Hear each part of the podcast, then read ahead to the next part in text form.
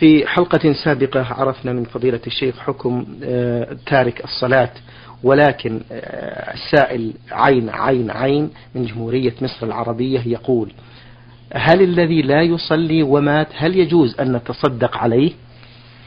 الحمد لله رب العالمين وصلى الله وسلم على نبينا محمد وعلى آله وأصحابه ومن تبعهم بإحسان إلى يوم الدين. لا يحل لنا أن نتصدق صدقة للميت الذي لا يصلي.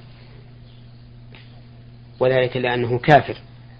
لا تنفعه الصدقة ولا يحل لنا أن نفعل ما يكون سببا للمغفرة والرحمة بالنسبة له لأن هذا من الاعتداء على الله عز وجل.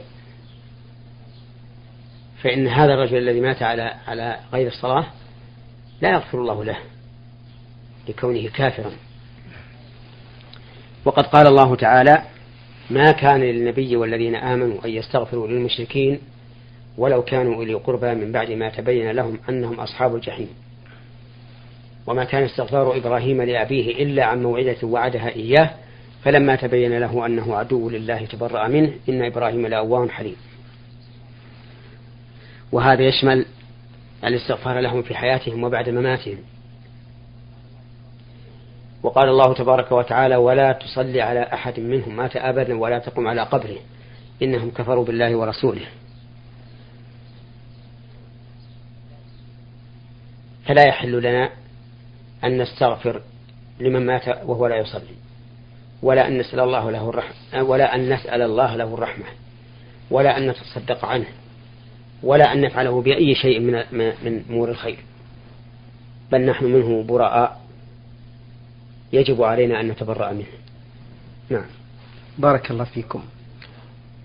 هذه الرسالة وصلت من أخوكم في الله صاد من جمهورية مصر العربية محافظة شمال سيناء. يقول أرجو من فضيلة الشيخ أن يجيب على هذا السؤال. يوجد يقول في بلدي أناس يصلون ويصومون ويزكون ويحجون. ولكن في كل ليلة اثنين وليلة جمعة بعد صلاة العشاء يعملون دائرة وهم وقوف وهي ما تسمى بالحضرة ويعملون, ويعملون فيها أربعة أشواط وبين كل شوط يقوم رجل منهم يمدح الرسول والشوط الأول يقولون فيه لا إله إلا الله محمد رسول الله الشوط الثاني يقولون فيه الله دايم باقي حي. الثالث يقولون فيه صل وسلم يا الله على النبي ومن والاه. والرابع يقولون فيه يا لطيف ألطف بنا فما حكم الإسلام في ذلك مأجورين هؤلاء مبتدعون ضالون فيما يحدثونه كل ليلة اثنين وجمعة. ويقول جمعة أو نعم. خميس؟ نعم جمعة. لأن هذا العمل الذي الذي يقومون به عمل منكر لم يكن عليه الصحابة رضي الله عنهم ولا التابعون لهم بإحسان. وإذا كانوا يعتقدون أن النبي صلى الله عليه وسلم يأتي إليهم ويحضرهم كان هذا أشد ضلالا. وإن اعتقدوا في طوافهم هذا أنهم يطوفون على كعبة فهذا أشد وأنكر. لأنه لا لا طواف إلا على بيت الله الحرام في مكة في مكة. والواجب عليهم أن يتوبوا إلى الله تعالى من هذا العمل وأن يأخذوا بما أمرهم به رسول الله صلى الله عليه وعلى آله وسلم حيث قال عليكم بسنتي وسنة الخلفاء الراشدين المهديين من بعدي تمسكوا بها وعضوا عليها بالنواجذ وإياكم ومحدثات الأمور. فقد حذر النبي صلى الله عليه وعلى آله وسلم عن محدثات الأمور أي ما يحدثه الإنسان يتعبد به لله. ومحدثات الأمور هي كل عبادة يتقرب بها الإنسان إلى الله عز وجل لم يكن عليها رسول الله صلى الله عليه وسلم سواء كان ذلك في العقيدة أو في القول أو في العمل. وقول كل وقول كل عبادة هذا باعتبار المبتدع حيث يظنها عبادة وإلا فإنها ليست بعبادة لأن البدعة ضلالة والضلالة ليست عبادة. بارك الله فيكم. يقول هذا السائل أعيش أنا ووالدي ووالدتي وامرأتي وإخوتي في بيت واحد. أحيانا أحضر لزوجتي شيء من الأكل دون علم والدي ووالدتي ونأكل دون أن يرانا أحد. فما حكم ذلك؟ لا حرج عليك أن تخص زوجتك بشيء من الطعام بشرط أن تكون قائما بما يجب عليك نحو عائلتك. أي نحو أبيك وأمك وأخواتك. لكن في هذه الحال ينبغي أن يكون ذلك سرا لا يعلمون به لئلا يؤزهم الشيطان فيلقي بينك وبينهم العداوة. نعم. هذا السائل ألف باء من سوريا يقول أعمل في رعي الأغنام وأحيانا يكون البرد شديدا جدا فأصلي بعض الصلوات في غير أوقاتها. كأن أجمع الظهر مع العصر والمغرب مع العشاء فوجهوني جزاكم الله خيرا. لا حرج عليك أن تصلي جمعا فتجمع الظهر مع العصر والمغرب مع العشاء. إذا كان في في صلاتك كل صلاة في وقتها حرج عليك. لقول ابن عباس رضي الله عنهما جمع النبي صلى الله عليه وعلى آله وسلم بين الظهر والعصر وبين المغرب والعشاء في المدينة من غير خوف ولا ولا مطر. قالوا ما أراد إلى إلى ذلك يعني ما السبب أنه فعل هذا؟ قال أراد أن لا يحرج أمته. فيؤخذ من هذا الحديث أن كل ما فيه حرج على الإنسان فإنه يجوز أن يجمع من أجله بين الظهر والعصر أو بين المغرب والعشاء. فإذا كان البرد شديدا ويشق عليكم أي أية آه نعم ويشق عليكم أيها الرعاة أن تتوضأوا لكل صلاة فاجمعوا بين الظهر والعصر إما جمع تقديم أو جمع تأخير حسب الأيسر. واجمعوا بين المغرب والعشاء إما جمع تقديم وإما جمع تأخير حسب الأيسر. ولا حرج لكم ولا حرج عليكم في هذا بل هذا مما يحبه الله عز وجل لأنه لكرمه وفضله يحب أن أن يأتي عباده ما رخص لهم فيه. نعم. السائل جمال أحمد يقول ما حكم من يتشاجر مع والده كلما رآه ينتهك آه، حدود الله أو يستهزي بأمور الدين ولكنه بارا به ويكفيه جميع ما يعينه؟ فنرجو منكم الإفادة. أقول إن كونه يعتب على أبيه ما يحصل منه من المعاصي التي ربما تؤدي إلى الكفر كسب الدين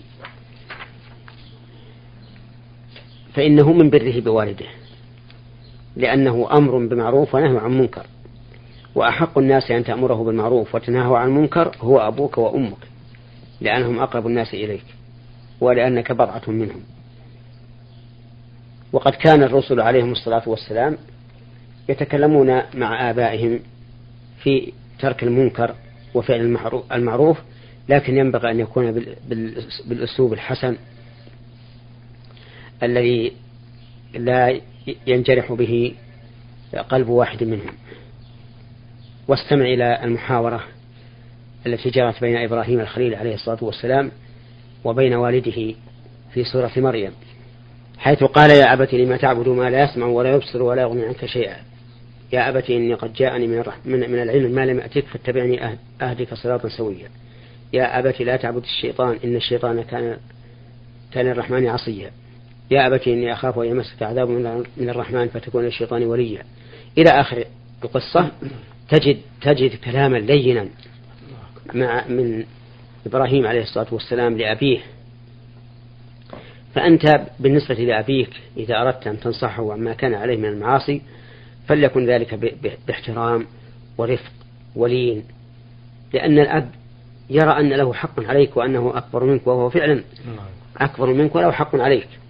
حتى أن الله تعالى قال وإن جاهداك على أن تشرك بي ما ليس لك به علم فلا تطعنهما يعني إن بذل الجهد على أن تشرك بالله فلا تطعهما وصاحبهما في الدنيا معروفا. وقال تعالى إما يبلغن عندك الكبر أحدهما أو كلاهما فلا تقل لهما أف ولا تنهرهما وقل لهما قولا كريما. فأنت لا تلام إذا نصحت والدك لكن ليكن ذلك بالرفق واللين حتى يحصل المقصود. وليس هذا من من العقوق بل هذا من البر فإن أعظم هدية يهديها الإنسان إلى أبيه وأمه أن يأمرهما بالمعروف وينهاهما عن المنكر ولكن بأدب واحترام. نعم. بارك الله فيكم. من سوريا السائل خضر يقول تنازعت أنا ورجل وتحاكمنا بالمحكمة وطلب مني اليمين وطلب منه اليمين فحلف اليمين وهو كاذب. فما حساب من يحلف على القرآن وهو كاذب؟ إذا حلف الإنسان في الدعوة على أمر هو كاذب فيه فإن ذلك هو اليمين. الغموس. وقد ثبت عن النبي صلى الله عليه وسلم أن من حلف على يمين هو فيها فاجر يقتطع بها مال امرئ مسلم لقي الله وهو عليه غضبان. وسميت غموسا لأنها تغمس صاحبها في الإثم ثم تغمسه في النار. وسواء حلف على المصحف أو بدون ذلك. مع أن الحلف على المصحف أمر لم يكن معروفا في عهد النبي صلى الله عليه وسلم وأصحابه فيما نعلم. لكن بعض الناس يتخذون ذلك من باب التأكيد والتخويف. وعلى كل حال فكل من ادعى دعوى ليست له أو أنكر شيئا هو عليه وحلف على ذلك وهو كاذب فإن جزاءه هذا الجزاء الذي سمعت وهو أنه يلقى الله تعالى وهو عليه غضبان. أعاذنا الله وإخواننا المسلمين من غضبه وعقابه. اللهم آمين. بارك الله فيكم. السائل عين ميم دال مقيم بالمملكة يقول في حديث تحريم إسدال الثوب إلا لغير الخيلاء ما المقصود بالخيلاء؟ آه، أولا قول, قول السائل تحريم إسبال الثوب إلا لغير الخيلاء هذا غلط. فإن إسبال الثوب محرم سواء كان لخيلاء أو لغير خيلاء. لكن إن كان للخيلاء فإن وعيده شديد جدا. قال النبي صلى الله عليه وعلى آله وسلم ثلاثة لا يكلمهم الله يوم القيامة ولا ينظر إليهم ولا يزكيهم ولهم عذاب أليم. قالوا من هم يا رسول الله؟ قال المسبل والمنان والمنفق سلعته بالحل في الكاذب. وهذا وعيد عظيم. وأما الإسفال بدون خيلاء فقد قال النبي صلى الله عليه وعلى آله وسلم ما أسفل من الكعبين ففي النار. فهو يعذب بالنار عذابا جزئيا على قدر ما حصل منه من المعصية. والفرق بين الوعيدين عظيم. فيكون قول السائل إذا لم يكن خيلاء يكون غلطا. بل نقول إنه إذا أسفل فقد أتى منكرا وكبيرة من كبائر الذنوب لكن تختلف العقوبة فيما إذا كان ذلك خيلاء أو غير خيلاء. والخيلاء معناه آه، التكبر والتعاظم. إن الإنسان يفعل ذلك تكبرا وتعاظما وفخرا وما أشبه ذلك من المعاني. نعم. البائع الذي يخطي في الحساب قد يعطي للزبون بالزيادة وبالأقل وبدون قصد. هل يدفع الخسارة ويأخذ الزيادة؟ نرجو بهذا إفادة.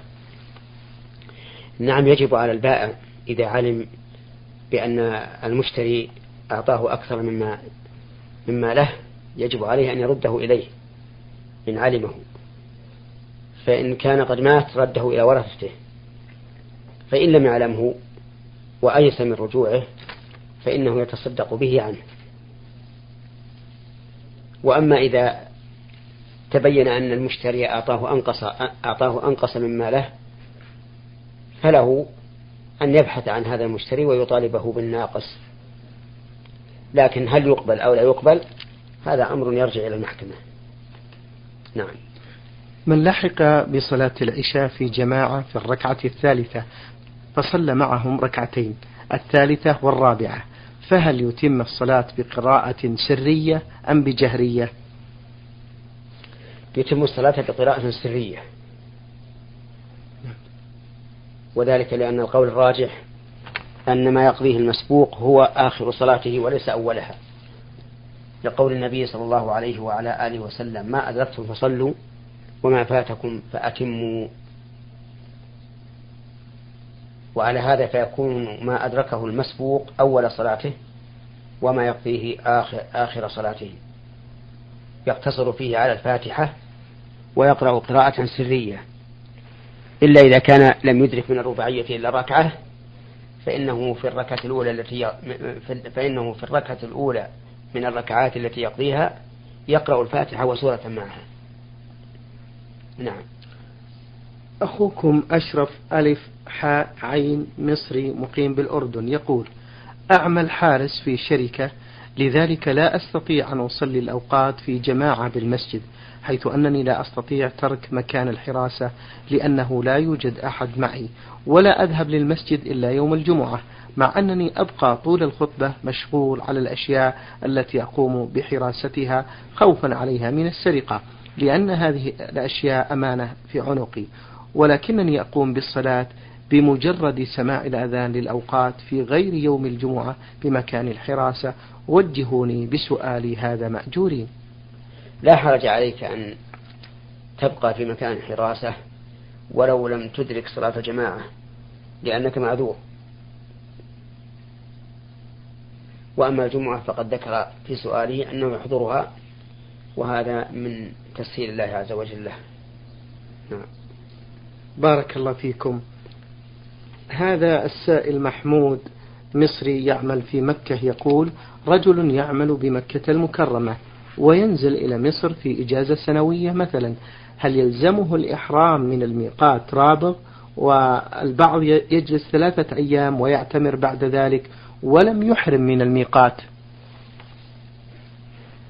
إذا رجع الإنسان من بلده إلى مكة وكان قد أدى فريضة العمرة فإنه لازمه الإحرام. بعمرة ثانية لأن العمرة لا تجب في العمر أكثر من مرة كالحج. ولكن إذا شاء أن يحرم فإنه لا يحرم ولكنه إذا شاء أن يحرم فإنه يجب عليه أن يكون إحرامه من الميقات من أول ميقات يمر به. لأن النبي صلى الله عليه وعلى آله وسلم وقت المواقيت وقال هن لهن ولمن أتى عليهن من غير أهلهن. فمثلا إذا كان من أهل مصر وذهب في الإجازة إلى مصر.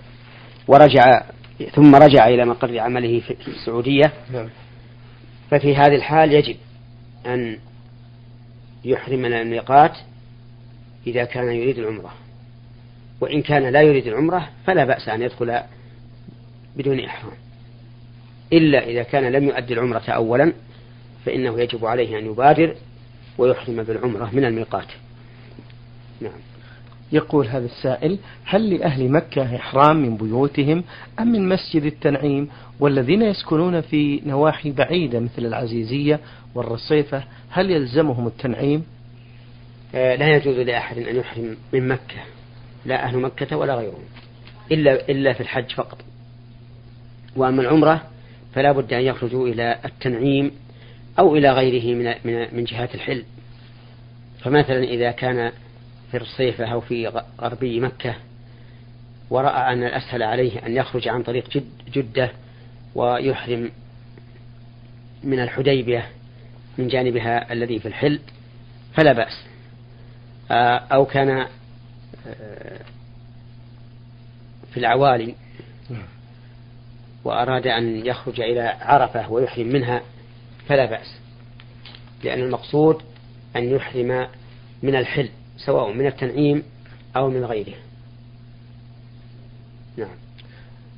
هذا السائل من تونس ميم نون حاء شين يقول في السؤال الأول هل تجوز الصلاة في مسجد آه، جزء منه على حافة الطريق والجزء الآخر في المقبرة مع العلم بأنه بني على ضريح ولي صالح؟ لا يجوز أن يصلي الإنسان في مسجد بني على ضريح أي على قبر. لأن النبي صلى الله عليه وعلى آله وسلم قال لعنة الله على اليهود والنصارى اتخذوا قبور أنبيائهم مساجد. فهذا المسجد مسجد محرم يجب هدمه. أما لو كان المسجد قديما ثم دفن فيه ميت فإنه يجب أن ينبش الميت ويدفن مع الناس. فإن لم يمكن نظرنا. إن كان الميت في في جهة القبلة فإنه لا يصلى إلى الميت. وإن كان خلف القبلة أو عن اليمين أو اليسار فلا بأس أن يصلى في هذا المسجد. نعم. بارك الله فيكم. السائل من تونس يقول بدأت الصلاة وعمري ثلاثين سنة. هل يجوز قضاء ما فاتني من الصلوات وكيف يكون ذلك؟ الواجب على الإنسان إذا بلغ أن يصلي ولو لم يكن له إلا عشر سنوات. ولا يحن له أن يدع الصلاة. وهذا الرجل السائل يقول إن له ثلاثين سنة ولكنه لم يصلي إلا بعد ذلك فهل يلزمه قضاء ما مضى؟ وجوابنا أنه لا يلزمه قضاء ما سبق ولكن عليه أن يتوب إلى الله سبحانه وتعالى وأن يكثر من صالح الأعمال. وإنما قلنا إنه لا يلزمه قضاء ما سبق لأنه إن كان عن جهل لكونه عاش في مكان بعيد عن الناس الذين يصلون فإنه معذور بجهله.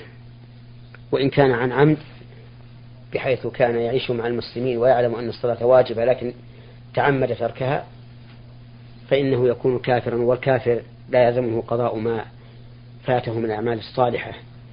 لقول الله تعالى قل, قل للذين كفروا إن ينتهوا يغفر لهم ما قد سلف. نعم. بارك الله فيكم. يقول هذا السائل هل يجوز هل تجوز الصلاة قبل الفجر مع العلم بأنني أصلي الوتر قبل أن أنام؟ لم يفسح السائل نعم. بالصلاة التي يريد. فإن كان يريد هل, هل تجوز صلاة الفجر قبل الفجر؟ فالجواب لا. لا تصح أي صلاة كانت قبل دخول وقتها. لقول الله تبارك وتعالى إن الصلاة كانت على المؤمنين كتابا موقوتا. فمن صلى الصلاة قبل وقتها فإن كان يعلم أن الوقت لم يدخل فهو آثم. وعليه أن يتوب إلى الله مما صنع وإن كان لا يعلم أن الوقت لم يدخل فهو لا يأثم لكن يجب عليه إعادة الصلاة في وقتها لأن الصلاة قبل وقتها غير مقبولة ولا ولا مشروعة. أما إذا كان يريد بقول الصلاة قبل الفجر يعني النافلة ويريد أنه يتنفل بعد أن أوتر في أول الليل فنقول له نعم لا بأس بهذا فلو أوتر الإنسان قبل أن ينام خوفا من أن لا يقوم في آخر الليل ثم يسر له القيام في آخر الليل فإنه إذا قام يصلي ركعتين ركعتين حتى يطلع الفجر ولا يعيد الوتر لأنه لا وتران في ليلة. نعم. يقول هذا السائل هل الصلاة التي بين الأذان والإقامة هل هي من السنة أم من البدعة؟ الصلاة بين الأذان والإقامة من السنة. لقول النبي صلى الله عليه وعلى آله وسلم بين كل أذانين صلاة. ومعلوم أن الفجر سنتها قبلها فتكون بين الأذان والإقامة والظهر لها سنة قبلها وبعدها فالسنة التي قبلها هي بين الأذان والإقامة والعصر ليس لها سنة قبلها أي سنة راتبة ولكن يسن أن يصلي ركعتين وكذلك المغرب والعشاء ليس لها سن ليس لهما سنة راتبة قبلها قبلهما لكن يسن أن يصلي ركعتين بين الأذان والإقامة لقول النبي صلى الله عليه وعلى آله وسلم بين كل أذانين صلاة نعم.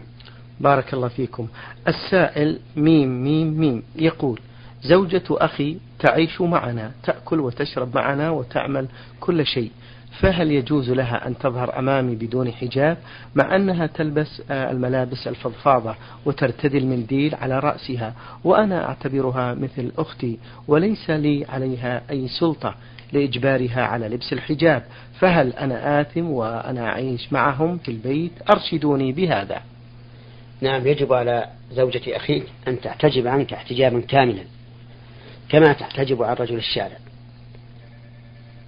بل قد يكون احتجابها عنك أوكد من احتجابها عن رجل الشارع لأن الفتنة التي قد تقع بينك وبينها أشد من الفتنة التي تقع بينها وبين رجل الشارع لأنك أنت معها في البيت. فلا يحل لها أن تخرج إليك وهي كاشفة الوجه بل يجب عليها أن تستر وجهها.